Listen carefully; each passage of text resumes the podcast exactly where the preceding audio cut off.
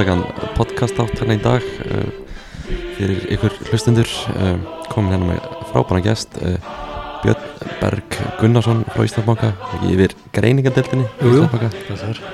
Og við ætlum hérna að ræða um málefni Barcelona. Ég held að það séu margir svona veltaði fyrir sér eftir hann leikmannamarkaði sumar hvernig svona Barcelona hefur farið að þessu að það er mikið í fréttum að, að félagið skuldi alveg ótrúlegt magn af, peningum.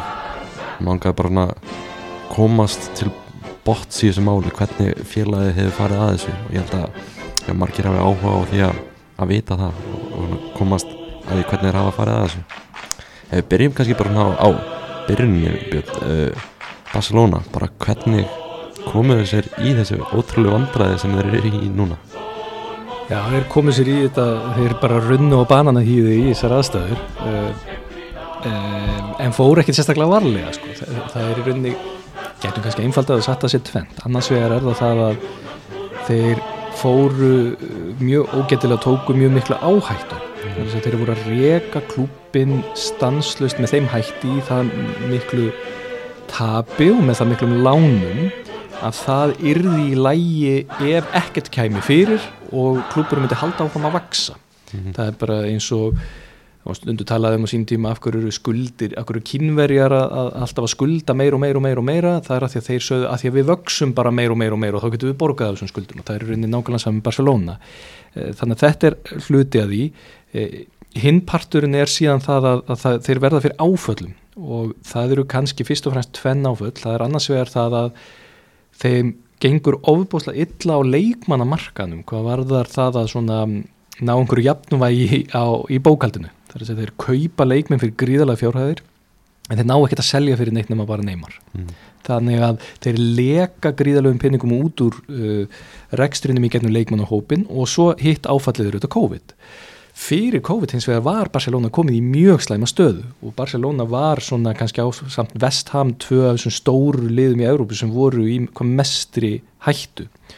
Munurinn er þó sá á Barcelona og, og flestum öðrum svona þessum stóru sem við, sem, sem við berum það lið sama við að það er engin leið til þess að fá styrki. Það er að segja uh, eins og í tilfelli uh, Vestham að þá allt í nú er sko COVID komið og það er verið að, að, banna fólk að mæta völlin og allt það og maður hugsa bara þeir eru að fara að þrauka í 45 mínútur, eru svo tæpir og þá koma bara eigundunum með peninga inn Mm. það eru engin slíkir eigundur hjá Barcelona þannig að það er engin leið til að retta sér með þeim hætti og það gerir þá uh, mjög tæpa stöðu þar sem þeir voru bara gangandi á, á línunni uh, komu, breyttu þeirri stöðu í bara tótal hrun og, og þar sem að alveg sama hvernig þú kýst að horfa á bókaldið þá bara gengur ekkert upp Barcelona sem var mjög tæft var algjörlega ónýtt og uh, þetta, við þurfum að hafa þetta í ákveðinu samingi. Barcelona er það lið sem að tekur mest inn á leikdag allra liða. Það þurkaðist algjörlega upp, miklu lengur en þeir töldu. Mm. Þeir reyna að bjarga sér einhvern veginn með því til dæmis að byggja leikmennum að, breyta sínu launasamningum og einhverju slíku og það var alltaf að tala um það, heyrðu Barcelona hefur tekist að fá strákarnar til þess að gefa eftir launin, þeir voru ekkert að gefa eftir þetta eða neitt, þeir voru bara lengja í, fá bara borga setna þannig að það breytir svo sem ekkert stöðinni nema til mjög skamstíma því að þeir veðjuðu öllu á því að COVID myndi vara mjög stutt. Svo varir COVID miklu miklu lengur. Og þá eru þeir komnir í þá stöðu að um, meiri segja eftir COVID og þegar, þegar áhörundur eru byrjað að mæta aftur á völlin og þeir eru búnir að, að vera einhver reyns út úr leikmannahópnum og selja leikmanna á samóki neitt að þá er samt sem aður staðan svo að, að, að dæmið er ekkert að ganga upp. Mm. að þeir eru samt á hausnum í rauninni. Og þá kemur mjög áhugaverð staða upp. Og ef við berum stöðu Barcelona á þeim tímapunkti við stöðu bara einhvers annars fyrirtækis þar sem að reksturinn gengur ekki upp að þá þurfa aðrir aðilar að koma að borðinu sem eru þeir sem Barcelona skuldar eða þetta fyrirtæki skuldar. Og, þau, og þá er ákvarðanavald hjá þeim að segja annarkvort setjum við þetta fyrirtæki eða þetta félagi gjaldþrótt og tökum til okkar eigninar, þannig bara nú kamp og einhverjum svona hluti færi bara í hendunar á einhverjum böngum eða þá að við treystum því að við munum fá meira út úr því að hjálpa þeim að halda lífi Mm. vegna þess að til langstíma ef að þetta félagi eða fyrirtæki heldur lífi þá munum við geta borgað okkur tilbaka þess að við skulda og það er augljóslega ákvörunin sem er tekin með Barcelona að Barcelona sé verðmætara haldandi lífi en dögt Mhm. og þess vegna er ekki farin svo leið hjá Barcelona að eh, sem að hljómar svona við fyrstu uh, svona, svona, fyrstu sín augljósasta leiðin sem er bara hreinlega að lýsa við gældrúti sko Já. Byrja bara aftur. Og maður segir en ég minna þeir eru samt, þetta er samt Barcelona þeir myndu bara taka Glasgow Rangers á þetta. Og svo eftir 6-7 árið er bara aftur komnir í meist, toppin í mestardelni það hefur auðvitað verið litið á þannig að það væri bara ekki option fyrir Barcelona. Mhm. og það væri betra að fara hínalegina þess vegna er þessi staða komin upp að, að það er ekki verið að leysa úr neinum málum nema með uh, einhver svona samstarfi við lánadrótna Barcelona og oft með mjög sásökafullum hætti. Mhm. Já, veist, eftir COVID það fólk var farað að mæta aftur á völlin af hverju fór þetta þá ekki bara aftur í, blúsandi só eins og kannski á öðrum félögum? Uh, veg, vegna þess að skuldinar voru allt of miklar og þær voru allt of nálætt þeim í tíma. Mhm. þú getur alveg tekið 2 miljonir evra á leikdag en þú skuldar 1,2 miljardar og helmingurinn af því var á gjaldaga bara núna. Já, Þeir, þeir voru í þeirri stöðu fyrir einhverjum örfáum mánuðum að það voru 600 miljónir evra bara á gjaldaga sem þeir þurftu að fara að borga. Og uh, þeir náðu, það var náttúrulega óðbúslega mikið reynd og skulum heldur ekki gleyma því þetta er ekki, au- auðvitað kemur þetta svolítið svona flatt upp á það að allt í hendi COVID sko. Mhm. og við getum alveg sagt þú veist uh, einhvern veginn hugsa okkur að fyrirtæki félagi hefði verið í tómu tjóni hvort sem COVID hefði verið ekki. Ég er bara ekkert viss um Mm. því að fótboltinn var í það miklum vexti hvort sem er en, en ok. Þeir, þeir, um, þeir reyna svo ofurdeildina og ofurdeildin hefði bjargað þeim held ég. Sko ég, hún, það eru það mikli peningar að við erum kannski að tala um 200-300 miljónir evra á ári til viðbótar við, við, við tekinar sem hefur kannski þá, þá við kannski að tala um 40% aukning á tekjum. Mhm. gríðarlega mikið. Þannig að það hefði skipt mjög miklu máli. Það fór allt í skrúfuna. Eh, þeir reyna að fikra sig einhvern veginn á leikmannamarkana með því að selja leikmenn. Það bara gengur ekkert, þeir ná ekkert að selja sko Dembele, Coutinho eh, hérna, fleiri leikmenn svona sem að sem er eitthvað að reyna hlýtur að vera reynd að gera eitthvað verðmæti út. Þeir eru Mhm. bara að fara á einhverjum brandara. Ja. svo við vorum að tala um hérna fyrir útsendingu. Já. selja Ívar Rakitic og 1,5 miljón punta já, ánáttúrulega bara að vera á forsíðan á einhverju blaðu það er algjörlega út í höð þannig að það er ímislegt reynd en, en lendingin er, er þessi að það er lengt í þessum 600 miljónu efra lánum. Mhm. þannig að þessi skamtímalán sem átt að borga strax að lengja því núna til 10 ára. 2% vextir til 10 ára 600 miljónur efra aðrar cirka 600 miljónur efra eru hvort sem er langtímalán.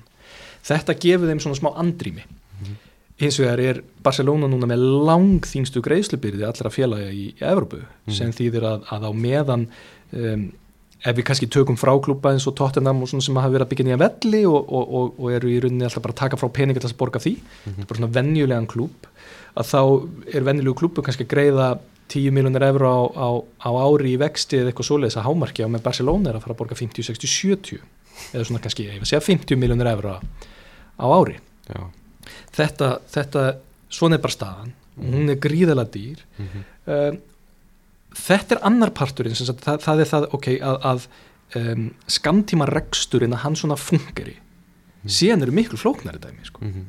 því það sem bætist í þetta eru, eru nokkur hlutir, eitt er það uh, til þess að mega keppa að þá verða þeir og mega borga laun og mega sæna leikminn og allt þetta, þá verða þeir einhvern veginn ná tökum á þessu óþægilega sem við stundum verið talað um í fjölmjölum sem er, er þessi e, þetta launathag eða svona þessi hlutvarsregla spænsku deildarinnar um það að þú megir ekki eða nema ákveði miklu af þínum tekjum í leikmannahópin mhm, og ef þú ert í blúsandi mínus að þá er það ennþá ennþá minna. Þannig að á venjulegu ári er það þannig að lið sem er í byllandi vandræðum eins og Barcelona það þarf að selja fyrir 10 miljónu punta til þess að mega eigða, eigða 2,5 miljón núna tímabundið er búið að hækka það upp í, upp í rúmlega 3 miljónir þannig að það er örlítið skárra og út af COVID að þá er verið að taka smá tillit til þess þegar þú ert að horfa meðaltal síðustu ára og, og þetta er svona, þetta er aðeins skárra þetta er ekki alveg bara fjórðungur. Mhm, uh, en af hverju er það af hverju er það vandamál? Af, af, af hverju af hverju þurfa þeir að vera með alltaf þessi dýru leikmenn? Mhm, og þá sér maður bara spjallborðin hérna heima það er sem að knaspinu áhuga menn virðið að stótt bara að gera ráð fyrir því að Barcelona sé annarkot bara glæpa menn í dag eða vittlisingar og þess, þið sjá, maður sér hvernig allt er, það er alltaf verið að segja hvað eru þeir að pæla, eru þeir eitthvað klikkaði hvað eru þeir að eiginlega fótboltan halda menn í alvörni að Barcelona sem er að fá hérna aðstóð frá öllum helstu fjármála sérfræðingum Európu og viðar, búin að setjast yfir þetta í næstu í tvö ár þau sé ekki búin að pæla í öllu mögulegu, heldur sé að gera einhverja vitleysu? Nei, vegna þess að þetta sem ég var að nefna áðan um það að eina leginn til að bjarga þeim sé að halda þeim á lífi mhm, það er ekki sama sem merkja um melli þess að, að, að það þýðir ekki að það megi halda þeim á lífi í hvaða formi sem er. Barcelona sem eitthvað miðlungslið er einskisvirði. Mhm, það er augljós niðurstaða. Og af hverju er það augljóst vegna þess að þeir eru að kaupa allar þessa leikmenn mhm. og fá allar þessa sterku leikmenn til liðsins og þá sp- sp- sp- spyrja spyrja menn sig eðlilega, ég myndi hva, hvernig, hverju er að fá Lewandowski, hvað er í gangi? Af hverju þurfa þeir að fá þetta? Vegna þess að Lewandowski er að fara að bæta við nokkrum mörgum á tímabili Mhm. með það sem að liðið hefði annars skorað bara vegna þess að hann er frábæður mhm, og kannski að koma með einnir umferð lengra í meistardeildi eða eitthvað slíkt. Já, og verðmæti Barcelona sem sjálfbær greiðandi af sínum skuldum til framtíðar, til næstu 50 ára mhm, stendur og fellur með því að Barcelona verði áfram Barcelona. Mhm, stæsta, flottasta, virtasta, vinsalasta félagi í heimi eða meðal þeirra. Mhm, alltaf í, í meistardild, alltaf með góða leikmenn alltaf við ekki aðtekli, alltaf með stæstu auglýsingasanningana öðruvísi er félagið ekki lífvænlegt. Og ég veit að okkur kann að finnast þetta eitthvað asnalegt en þetta er bara svo, við getum lesið þetta á öllu sem búið er að gera, þetta er augljóslega nýðustan, mhm, annars væru þeir ekki með þessa leikmenn komandi til liðsins. Mm. en svo náttúrulega eh, tengist þetta allt saman. Þannig að allt þetta vesen með launinans Franki de Jong og, og, og uh, þennan bardaði við, við hérna, spænsku deildinu um að fá að borgamönnum lið laun fá að hérna, Andrés Kristensen að, að fá að skráan til leiks og allt þetta. Þetta tengist allt því að, að Barcelona er þrátt fyrir alltaf að reyna að eigða eins miklu þeir geta já, til þess að vera svona góðir en regluverkið í kringum það að fá að taka þátt í það líka er að stoppa þá svolítið. Mhm, þannig að þeir eru að reyna að dansa þennan leik. Þeir eru að reyna að vera með eins dýran hóp og þeir meiga og komast upp með. Já, ef að þetta fyrir skrúfuna og það er kannski svona bottom line-ið, ef þetta klikkar þá er félagi gældrútt, þá Þetta er- vera. þetta er risastórt veðmál já, já, já, þetta var, þetta var, var skinsamlegasta leiðin úr þeirri stöðu sem var uppkomin en við getum ekki litið á eins og að það að Barcelona sé að gera þetta sé eitthvað sem það langaði að gera. Mhm, alls ekki, þeir eru að gera þetta vegna að þetta er eina raunhafa leiðin til að lifa af og bjarga klubnum, þannig að þeir eru bara í björgunar það starfið þannig Já. á björgunaraðgerðum þetta, veist, að sé að kaupa Lewandowski, Jules Kunde alla þessa leikmenn, Já. þetta er náttúrulega bara fólk, eins og þú segir fólk er bara hvað er í gangi þarna, hversu heimskir eru þeir, en, veist, hvernig veist, hvaða leiðir hafa þeir farið til þess að gera þetta nákvæmlega, sko, Já, það er nefnilega það sem er svolítið áhugavert vegna þess að hvaðan koma peningarnir. Um, annars vegar að þá eru þeir í mjög nánu og mjög góðu samstarfi við mjög stóra banka. Mhm, þeir eru ekki með ríka hluthafa en eitt svoleiðis til þess að láta það fá peninga heldur þurfa að gera þetta með stórun lánastofnunum. Mhm, og þeir aðilar eru greinilega að kaupa svolítið planið þeirra Mm. því það hafa bara verið einhverju leiðilegi fundir á meðal endurskóðanda sem að sitja í herbergi í einhverjum banka í bandaríkjanum og, og horfa á einhverja rekstrar áallan frá Barcelona og þeir hafa bara sagt ok uh, eitt af því er að lengja í lánu uh, þetta 600 miljóna evra lán hitt er það hugsanlega að fara að fjármagna 1,2 miljardar evra minni mig sem á að fara í að, að hérna byggja niðan nú kamp eða þannig séð, eiginlega bara endur byggjan mhm, hvort sem að því verður eða ekki en þá, þá er svona þá eru báðir aðra byrjar að tala þannig að það sé allavega vilirið fyrir því. Og síðan smá innspýtingu á peningum til þess að, að, að hérna til þess að sé hægt að bara halda fram að reka klubin, borga reikninga og, og borga laun.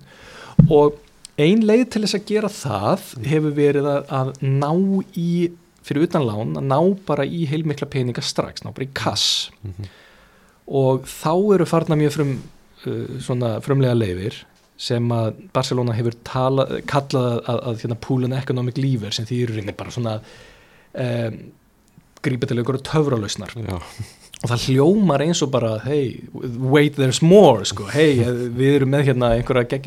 þetta er ekkert spes við þetta. Það er bara verið að selja undan klubnum þetta er bara eins og fyrirtæki sem að leggur niður eina verslunna og selur allt sem er í henni eða, eða hérna fækkar starfsfólki, þetta er bara það sem þeir eru að gera. Mhm. þannig að þeir eig, e, e, og bankanir hafa séð sko hvar er verðmæti og það er einhverjum tvent þar sem að, að, að, félug búa til peninga fyrir utan leikdag. Annars vegar er það sjómastekjur og hins vegar er það markaslega tekjur. Og Barcelona er mjög stert á báðumstöðum Mhm. og Barcelona vetoið þessa uh, tilrun uh, spænsku úrastildarinnar til þess að selja en vildi ekki taka þátt í því að selja sem uh, úrastildarinnar í hilsinni heldur eru búin að selja núna uh, í tveimur skömmtum 25% af sínum sjómasrétti til elendra fjárfesta. Fyrir uh, hvað er orðið mikið? 600 miljónur efra ég held að það sé svo tala. Já, gríðarlega fjárhæðir til einhverja 25 ára eitthvað svo leiðis þannig að þetta er svona, þetta er langtíma uh, sala sem þýðir að þessi, fjárfestingafélagi, þessi fjárfestar erlendu þeir munum fá fjórðung af sjónvastekjum, La Liga sjónvastekjum þetta er ekki meistarlega sjónvastekjur La Liga sjónvastekjum Barcelona næstu 25 árin. Gegn því fær Barcelona strax 600 miljónur evra sem að hjálpar þeim við þetta projekt að gera félagið sjálfbært lengri tíma. Um, þetta inni f- f- heldur hins vegar möguleika Barcelona á að kaupa minnstu kosti hluta þessu tilbaka. Þannig að þeir eru ekki end, en, endanlega búin að gefa þetta frá sér og þetta er bara til 25 ára hitt sem þeir gera er að þeir eru með svona markaðs uh, apparat uh, Barca Studios sem að þeir voru að selja núna uh, Já, hluta af því á, á 100 miljónir evra og þeir eru síðan með ákveðin svona rétt, réttindamál og ákveðin réttindi sem þeir hafa möguleika á að selja til viðbótar. Mhm. Þetta er enga töruleusnir, þetta minkar möguleikana þeirra til tekna til uh, framtíðar en, en uh, þeir halda að, að uh, kostirnir vegi þingra heldur en gallanir vegna þess að þrátt fyrir þeir séu að draga þarna á tekjum til framtíðar þá eru þeir að með þessu að ná að kaupa Barcelona áfram á þann stað sem að þeir vilja vera sem er besta liðið á Spáni eða Mhm. svona með stæstu liðum Evrópu Mhm. En svo segir, þá er þetta þetta er svolítil áhætta veist, þetta dregur úr, úr teknum til framtíðar Já. Já, þannig Þetta gerir það, þetta þýðir að Barcelona er ekki að fara að fá fullar tekjur það er í rauninni tvent, sem er að fara að gera sko, bæði kostnaður þess að reka Barcelona er að fara að aukjast mjög mikið til framtíðar út af öllum sem lánum Mhm. og tekjuna þeir eru að fara að minka Mhm. þannig að, eh, þannig í báða enda er verið að gera stöðuna erfiðari Já. en það, það er bara raunveruleikin sem félagið er í Já. og þess vegna skulum við líka alltaf passa okkur á því þegar við erum að bísnast og segja hvað það sé fáránlegt og hvað eru heimskir og allt þetta Barcelona er ekkert í sömu stöðu og Liverpool eða Arsenal eða United þetta er ekki, þetta er í, all, þetta er í algjöru panik ástandi Mhm. Barcelona liggur bara á gjörgjæsludeild bara með næringu í æð og það er, verið, og það er engin leið að redda þeim án þess að það sé uh, óðbúrslega sásökafull Mhm. þannig að þeirra mennir að segja já en, en þú veist þeir eru þá bara að fara að fá minni tekjur í framtíðin já, ég veit Mhm. það er, þetta er bara ógeðslega erfitt og Mhm. ógeðslega dýrt. Og það verður ekkert þægilegt að reka Barcelona næstu 40 árin. Mhm. það verður bara helviti erfitt. Já, en það var svo staðin sem var komin upp. Það er bara annarkort að gera þetta svona eða fólda algjörlega og breyta þessu bara í Glasgow Rangers. Mhm. En af hverju fer Barcelona ekki þá leið eins og Glasgow Rangers gerði á sín tíma? Ég held að það sé bara reiknidæmi. Mhm.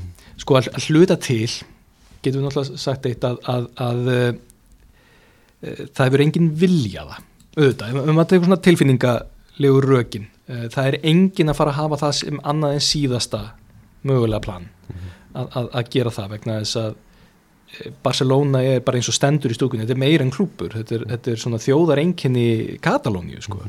og það er gríðalega mikilvægt fyrir, fyrir bara enginni þess að hér að Barcelona sé Barcelona. Eh, þannig að það er allt gert fyrst þú verður fyrst að, að, að reyna allt annað áður en þú ákveður að það sé lægi að Barcelona sé farið að spila á vellinu við hliðina Mhm. uh, á móti einhverjum þú veist, liðum á gerfugrassi þú veist, það er bara það er, það, það er einhvern veginn varla hægt að hugsa til þess Mhm.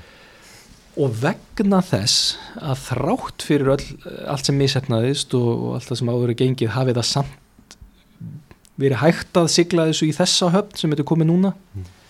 Þá, þá, þá er þetta eins sásökufullt og þetta er held ég í hugum menn, manna alltaf betra heldur en það að hafa orðið einhver aðslátursefni í fótboltaheiminum í mörg mörg ár. Mm.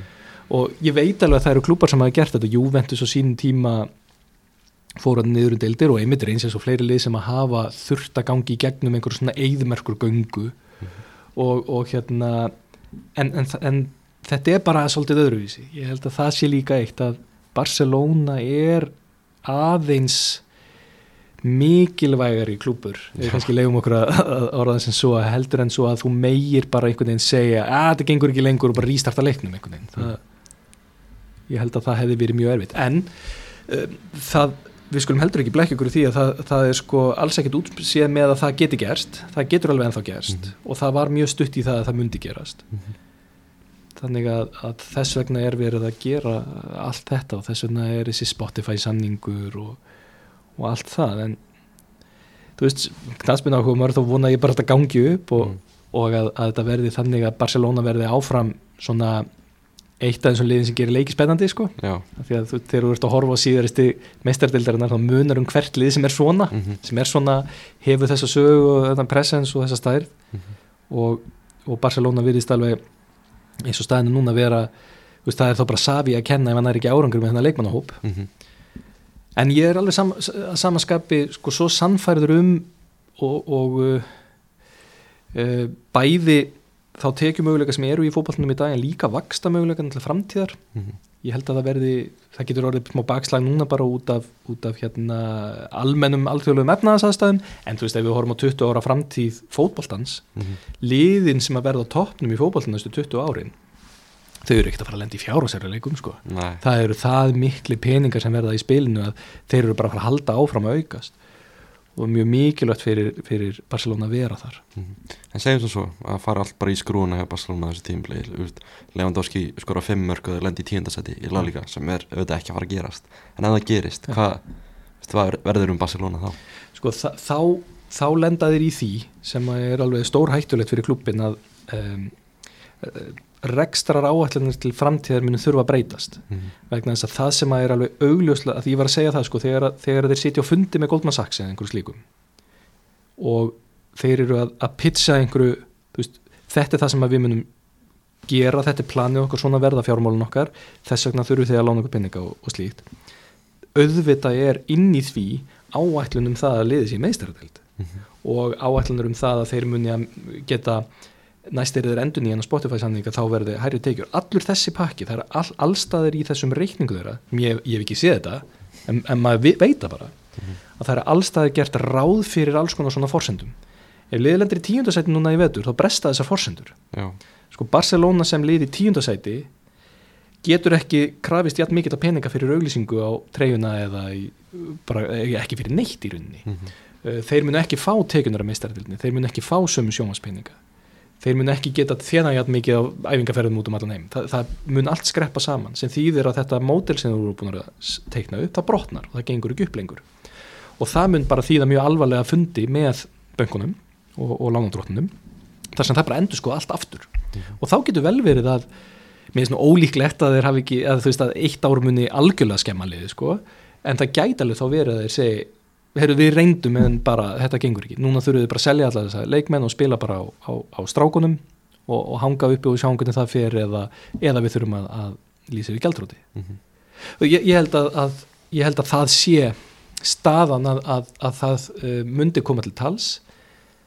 En úr því sem komið er uh, þá held ég nú að þeir hafi aðeins aðeins meira sveirum en, en það, er, það er samt þannig. Þetta, þetta er uh, ef Barcelona er ekki í topp þremur í vetur þá myndum maður e, þurfa að hafa mjög mikla ráðekjur af félaginu. Mhm. En þú veist, eins og nefnir þessar reglur aðan hann er alveg líka skráning á leikmennum og svona. Starf félag ekki að selja neina leikmenn til þess að skrá alltaf þessa nýju leikmenn? Jú, sko það, þeir eru alltaf að tala þannig sko að eh, þeir, eru nú sennilega að rýma eitthvað til fyrir þeim. Mhm, það er eins og ég nefndi, það er búið að liðka svolítið fyrir reglunum sko, þannig að þeir hafa náð svona með skóhóttinu að tróða einhverjum aðeins inn í leikmannahópin en jú um, veist, það er spurning að þeir næðu auðvitað er Franki de Jong virðist vera alveg með pálmann í höndunum sko. Það sem er líka svolítið sérstætt við þetta allt saman, þetta er allt fyrir opnum tjöldum. Já, veist, einhver hérna Dirty Laundry í Barcelona er alltaf bara á fórsýðum blaða þetta er, þetta er svona svolítið óþægileg staðurlega en jú, þetta virðist alveg vera þannig að þeir eru ekki alveg búin að redda þessu og þeir þurfi að uh, sína fram á uh, ekki sína fram á, þau þurfi bara að ná að, að, að kassa inn á einhverju leikmunum að, að þetta snýst um það, sko, þetta, þetta snýst ekki bara um það að fá lán eða eitthvað þannig, þetta snýst um það sko að um, þú fáir raunverulega tekjur og, og það að selja leikmann eru tekjur. Og uh, ef þeir selja Frankie de Jong fá þeir 50 miljonum punta eða hvað myndi, ég veit ekkert hvað það myndi kosta en, en hérna eftir Barcelona myndi þau fá 25 eða eitthvað. Og þá með að nota hluta af þeim peningum uh, bókaldslega, bókvæslega sko þeir geta borgað fyrir alla. Það er eitt, en til þess að geta sæna þá þá, þá, þá þarf sko bókaldið þeirra sem að skila þeirinn til að líka það þarf að ganga upp. Og til þess að það gangi upp þá þarf að ná í aðeins meira kassi í getnum leikmannhópin og það eru bara tvælegir sem geta gert í því. Það er annars vegar að, að selja leikmann og hins vegar að lækka launið þeirra sem að þeir eru komnir. Svo náttúrulega er að hægt að fara í einhverjar, einhverjar hræðilegar æfingar eins og til dæmis það að semja við Lewandowski þannig að einhverja svona að, að, að þú veist þeir séu á 60.000 eurum á, á mánuðu núna, eða viku núna og svo þetta tvö ára þá hækkið upp í 300.000 eða þú veist Já. að verði einhver svona eitthvað svona mix í samningunum þeir hafi verið duglegir að beita svona ákveðnum afskriftum að leikmunum og, og svona bókaldsdóti en það er bara búið að gera þetta allt saman Mhm. og uh, þar sem að þeir eru í þessari stöðu ennþá að það virðist allt stand og falla með því að selji Frankir Jóng þá, þá er þetta greinilega ógislega erfi staða þannig að ég myndi alveg halda það að, að, að ef að ef þeir eiga að geta hafið þetta tímabil bara svona venjulega og, og, og alltaf að ganga upp og allir eiga að vera sæna þeir og líka hætta andanir hálsmálinu að þá þurfið þið nú sennilega að losa með allavega eitt leikmann Mhm. þetta svona virk, virkar þannig En hvernig, er, er Barcelona bara svona lélir í viðskiptum eða? Veist, akkur fá þeir svona lítið pening Sko- leikminna sinna? Já, það var svolítið tala ég var að mynda að pæla í þessu sko, að því að Rakitic er kannski svona besta dæmið Rakitic og Grísmann Mm efast enginn um getu þessari leikmanna Nei. bara stórkostlega knaðspunumenn á besta aldri sko þegar þeir eru seldir -hmm. uh, eða látni fara um, Arda Túran sko fleiri, þetta, þetta er bara allt svo sérkennilegt.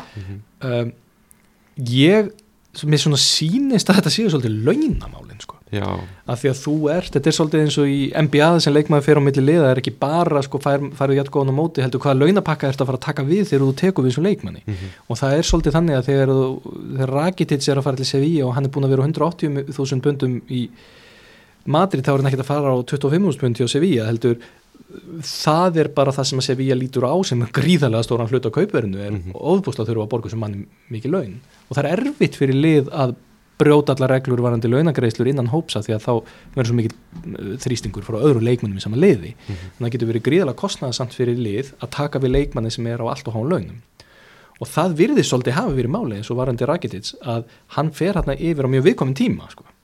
hann fer yfir á, á þeim tíma sem að eh, Barcelona er ekki neitt í samningsstöðu því að villengin leikmann sem er á svona háum launum Mhm. og þeir ná einhvern veginn að koma nú með yfir til Sevilla og þeir segja bara, ég skulum bara sjá hvað ég er með á mér sko. og, og, hérna, og láta það að fá það og taka svo bara við þessum ræðilega samningi mm. þeir eru frekar að líta í staðin fyrir sko, transferfí þá eru þeir að horfa á að létta á launareikningum Er ekki svolítið að sjá kannski sama með Master United á Englandi til dæmis Launin eru svo há og, og önnur fél er ekki tilbúin að taka við þeim pakka. Jú, það, það er bara það sem hef, hefur loðað við stór lið í mjög langan tíma. Mm -hmm. að það getur verið gríðarlega erfitt að losa um leikminn sérstaklega þegar eru komnir á ákveðin aldur. Þess vegna er náttúrulega að gera það svo oft sem að sem að, að uh, jættul frábæri leikminn sem er ekkert komnir langt yfir 30 þeir renn út á samningi sko. Já, það er vegna þess að ef þú ætlar að halda þeim áfram þá ertu kannski að taka 33 ára mann á 2 ára samning og 200 pund á viku. Og það er jættul bara ódýrara heldur en að selja en hver- er að fara að kaupa hann af þér Mhm. kaupa hann á einhverju alvöru verði notar hann bara út samningin, hann rennur út og einhver annar tekur við honum og þá er leikmaðurinn ekki sömu samningsstöðu þannig að hann, hann er kannski til í að sætta sig við Mhm. læru launan þegar hann hefur runnið út Mhm. ég, svo- ég sem svo veit það ekki en jú, þetta, þetta er viðvarandi vandamála sem að geta liða til þess að greiða launir eh, getur munurinn svona mikill Mhm. og Barcelona, þetta var ein, ein, eina, eitt af þeim vandamálum sem þeir eru komið sér í var sko það að launin voru svo óbúslega há uh, það átti eftir að borga af leikmunum þannig að skul- skuldir vegna félagskeptaleikmanna voru rosalega miklar og að þeir skulduðu leikmunulaun Mhm. og bónusa sem játnum leikmennum sem voru lengur farnir. Mhm. þannig að e, þarna þurfti að taka gríðarlega mikið til. Já. og þetta er auðvitað ástæðan fyrir því að þessar reglur eru settar alveg líka. Það, það er verið að segja ekki lendi í þessu, hættið þessu. Það er bara verið að reyna að vernda fjölu já, já, þetta er bara svona eins og var sett í, í uh, League 1 og League 2 á Englandi út af COVID það var bara sett launatak mm og það er bara mjög svipað, bara mjög svipaða reglur og þetta er bara gert til þess að hafa vit fyrir leðunum ég var svona pælingu núna sko, af hverju er Barcelona í svona djúpum skít eftir COVID og, og leikmannabrask og svona? Að meðan til dæmis félag á Englandi þetta honum til dæmis á Master United sem er búið að stunda frekar lélega viðskipti síðust árin og lendi í COVID líka af hverju er svona gigantískur munur á þessu þessum tveimur félagum núna það er náttúrulega mjög áhugaverð spurning Mm. um, þe- þetta er að, hluta til er þetta bara spurningu skala mm -hmm. þannig að þrátt fyrir að uh, United hafi tekið en Pogba snúning til dæmis sem er náttúrulega bara einhver ótrúlegustu viðskipti sem um getur að þá uh, þá, er þetta, þá er þetta bara ekki búin að vera sama hörmungin þetta er svo langt í frá Mhm. þetta er alveg viðsfjarri því að vera sambærlegt varandi peningana Mhm. uh, annað er það að, að uh, United hefur náða sko skrölda áfram markaðslega séð miklu miklu betur en Barcelona. Það sem gerist í Barcelona var það að tekjur af markastarfinu þeirra lækku, þær dróðu saman. Ok, þannig að samningurinn sem ég gerir við Spotify hann er minni en samningarnir sem við vorum með áður. Þeir voru með Rakuten og, og, og hérna Bek og, nei, Qatar Airways og já, eitthvað svo leiðis þeir voru með samningarna sem, að, sem, sem Spotify stekkur bara beint inn í, bara replacear alveg. Jú, svo taka er náttúrulega nafnið á leikvangnum í leiðinni. Þetta eru minni pinningar en þeir höfðu verið með áður. Um, United lendir ekki þessu. United um, ekki að sama skapi. Þeir svona halda sjó Mhm. svolítið í getnum COVID. Þurfa að taka náttúrulega ákveðin högg á sig og, og svoleiðis og þurfa reksturinn er ekkert eitthvað frábær, ekki frekar hjá neinu liði en, en United stendur aldrei tæft. United er aldrei að fara að lenda í vesinni og það er bæði út af þessu en það er líka bara vegna þess að staðan fyrir COVID var líka gerólík Mhm. það er alveg rétt að United er eina liðin sem er að borga svona mikla peningar leigandan sinna og, og þú veist það hefur ekkert verið gert við Old Trafford og það er svona þú veist það er pínulítið uh, vesen staða á, á, á, á svona klubnum kannski með hvernig þetta ætti að vera út af stærðagráni en, en ekkert þannig að menna að vera að hafa einhverju alveg áhyggjur Mhm. Um, þannig að United er ekkert í neinum vandra, vandræðum sko og þessi ennsku liði eru það í rauninni eh, ekkert sérstaklega þessi úrastilda félög, það er svona vestam er ekkert lítur ekkert allt og vel út Mm. en, en samt, þú veist, eigandunni þeirra hafa bara sínt fram á þessu tilbúinir að styðja á Já. gegnum þetta tímabil er ekki svo líka mikill munur á sjóasamningum Jú. Jú, það er líka það sko að, að það er alltaf tekjur á millisæri tvekja delta og þeir hafa miklu, miklu meira bara með veru sinni í úrvalstildin eru svo miklu peningar fyrir United og meðan Barcelona er kannski frekar að treysta á meistardeld og slíkt Mhm. sko, leikdag og, og, og markastekjur þannig að, jú, jú, það að vera lið í Premier League er miklu, miklu betur en að vera lið í La Liga upp á það að bara fá gefins peninga. Mm með allt önnu stað en segjum sem, segjum sem svo að þú ert þú ert Sean Laporta fórseti Barcelona. Já. kemur hann í félagi eins og er bara í- eiginlega bara í rústum myndið þú taka þessar sem ákvörðunir og hann er að taka núna? Um, munurinn náttúrulega á mér og honum er að ég, er náttúrulega mikill munur á mér og honum en, en eitt af því er náttúrulega ég hef enga forsendur til þess að meta því ég er ekki búin að setjast yfir allar þessa papýra mm -hmm. til þess að sjá raunverulega hver staðan var. Hann hefur eins og að vera alveg opinskár með þetta allt saman. Og svona hvernig hvað þetta var alvarleg staða og, og þetta er sásöku vilt framöndan og, og allt það. Mér finnst líklegt bæ, bæði bara svona þegar ég horfi á það sem hefur verið að gerast þá finnst mér að make a sense Mhm. en svo líka bara vegna þess að eh, hvað, hvað hefur þurft til þess að lenda þessu til þess að, að þetta veri niðurstaðan þá veit ég alveg og við vitum alveg að það er búið að ræða alla möguleika og þannig er fólki sem, sem þykir vænt um klúbin og er að reyna að gera sem best úr honum til langra framtíðar það tekur þessar ákvarðanir Já. Og á meðan ég hef ekki forsendu til þess að fara yfir allar þessar, eh, allar þessar möguleika og s- sjá reikningana þá bara hlíti ég að þurfa að treysta því að þeir hafi ge- valið bestu lendinguna Mhm.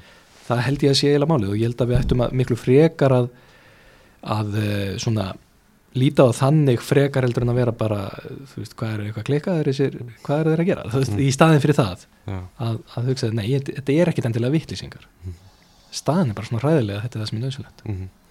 hvernig svona, bara loka spurning hvernig svona heldur að, að framtíð Barcelona lítið út? Eru að, að ég held að sé örgulega einhverjir stuðnismenn félagsins sem eru hrætti við að félagi muni bara leggjast af og að verði bara ekki til lengur hvernig svona lítur framtíð félagsins út að, að þínu mati? Ég held að uh, við þurfum að gefa okkur tvent, við þurfum að gefa okkur fyrst það að uh, alþjóðlegt efnahags ástand sé ekki á leiðin í einhverja megakreppu mm. Veist, að, að, að já, þurfum ekki uh, að, að, að tekjumöguleikar fótboltans í heilsinni sé ekki fara að skreppa saman Mm. hitt sem við þurfum að gefa okkur er það að árangurinn er að verði fín Mm. og ef við gefum okkur þetta tvent þá myndi ég alveg halda Barcelona verða alveg áfram Barcelona ég held hins vegar að munurum verði sá að hvert einasta ár verður þú veist að verða þetta sveittir á enninu sko, sem að koma eitthvað að peningunum hana. ég held að þetta verði ógislega erfitt. Ég held að þetta verði erfiðasti klúburinn í Evrópu til þess að vinna fyrir. Eh, ég held að, að pressan á Savi og þeim sem eru að þjálfa og leikmönnum verði meir aldrei nokkur, nokkur staðar annar staðar því að þeir eru alltaf að spila alltaf með lífi í lúkunum. Þeir eru alltaf að spila um, upp á tilveru rétt félagsins. Mhm. En á móti kemur að ég held að þetta verði langsamlega áhugaverðast og skemmtilegasta félagi til þess að fylgjast með á þessari hliðinni, sko, fyrir okkur sem við höfum áhuga á rekstur og peningum fyrir þig og Fyrir mig. fólkast að þig algjörlega, ég þetta er svo uník við höfum aldrei séð neitt svona áður, ég vona að við þurfum aldrei að horfa upp á annað aftur Mm.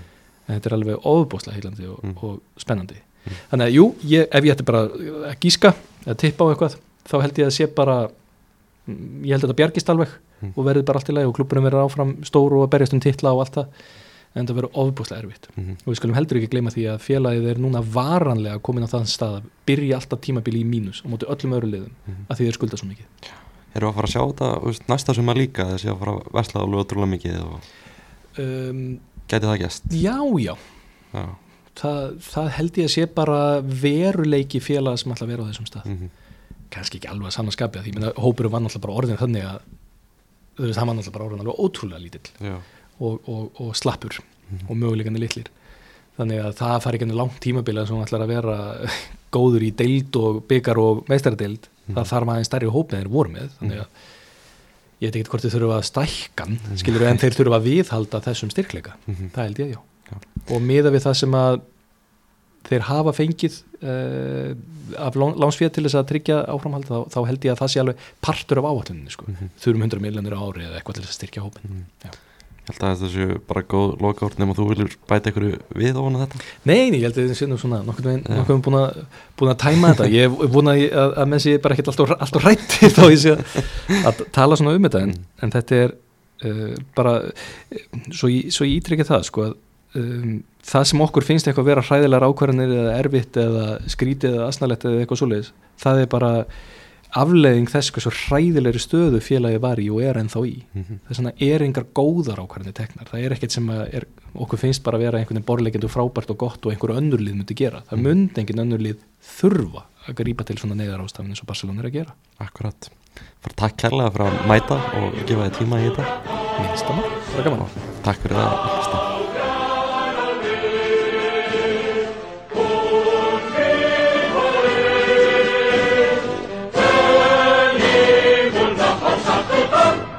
战士，战士。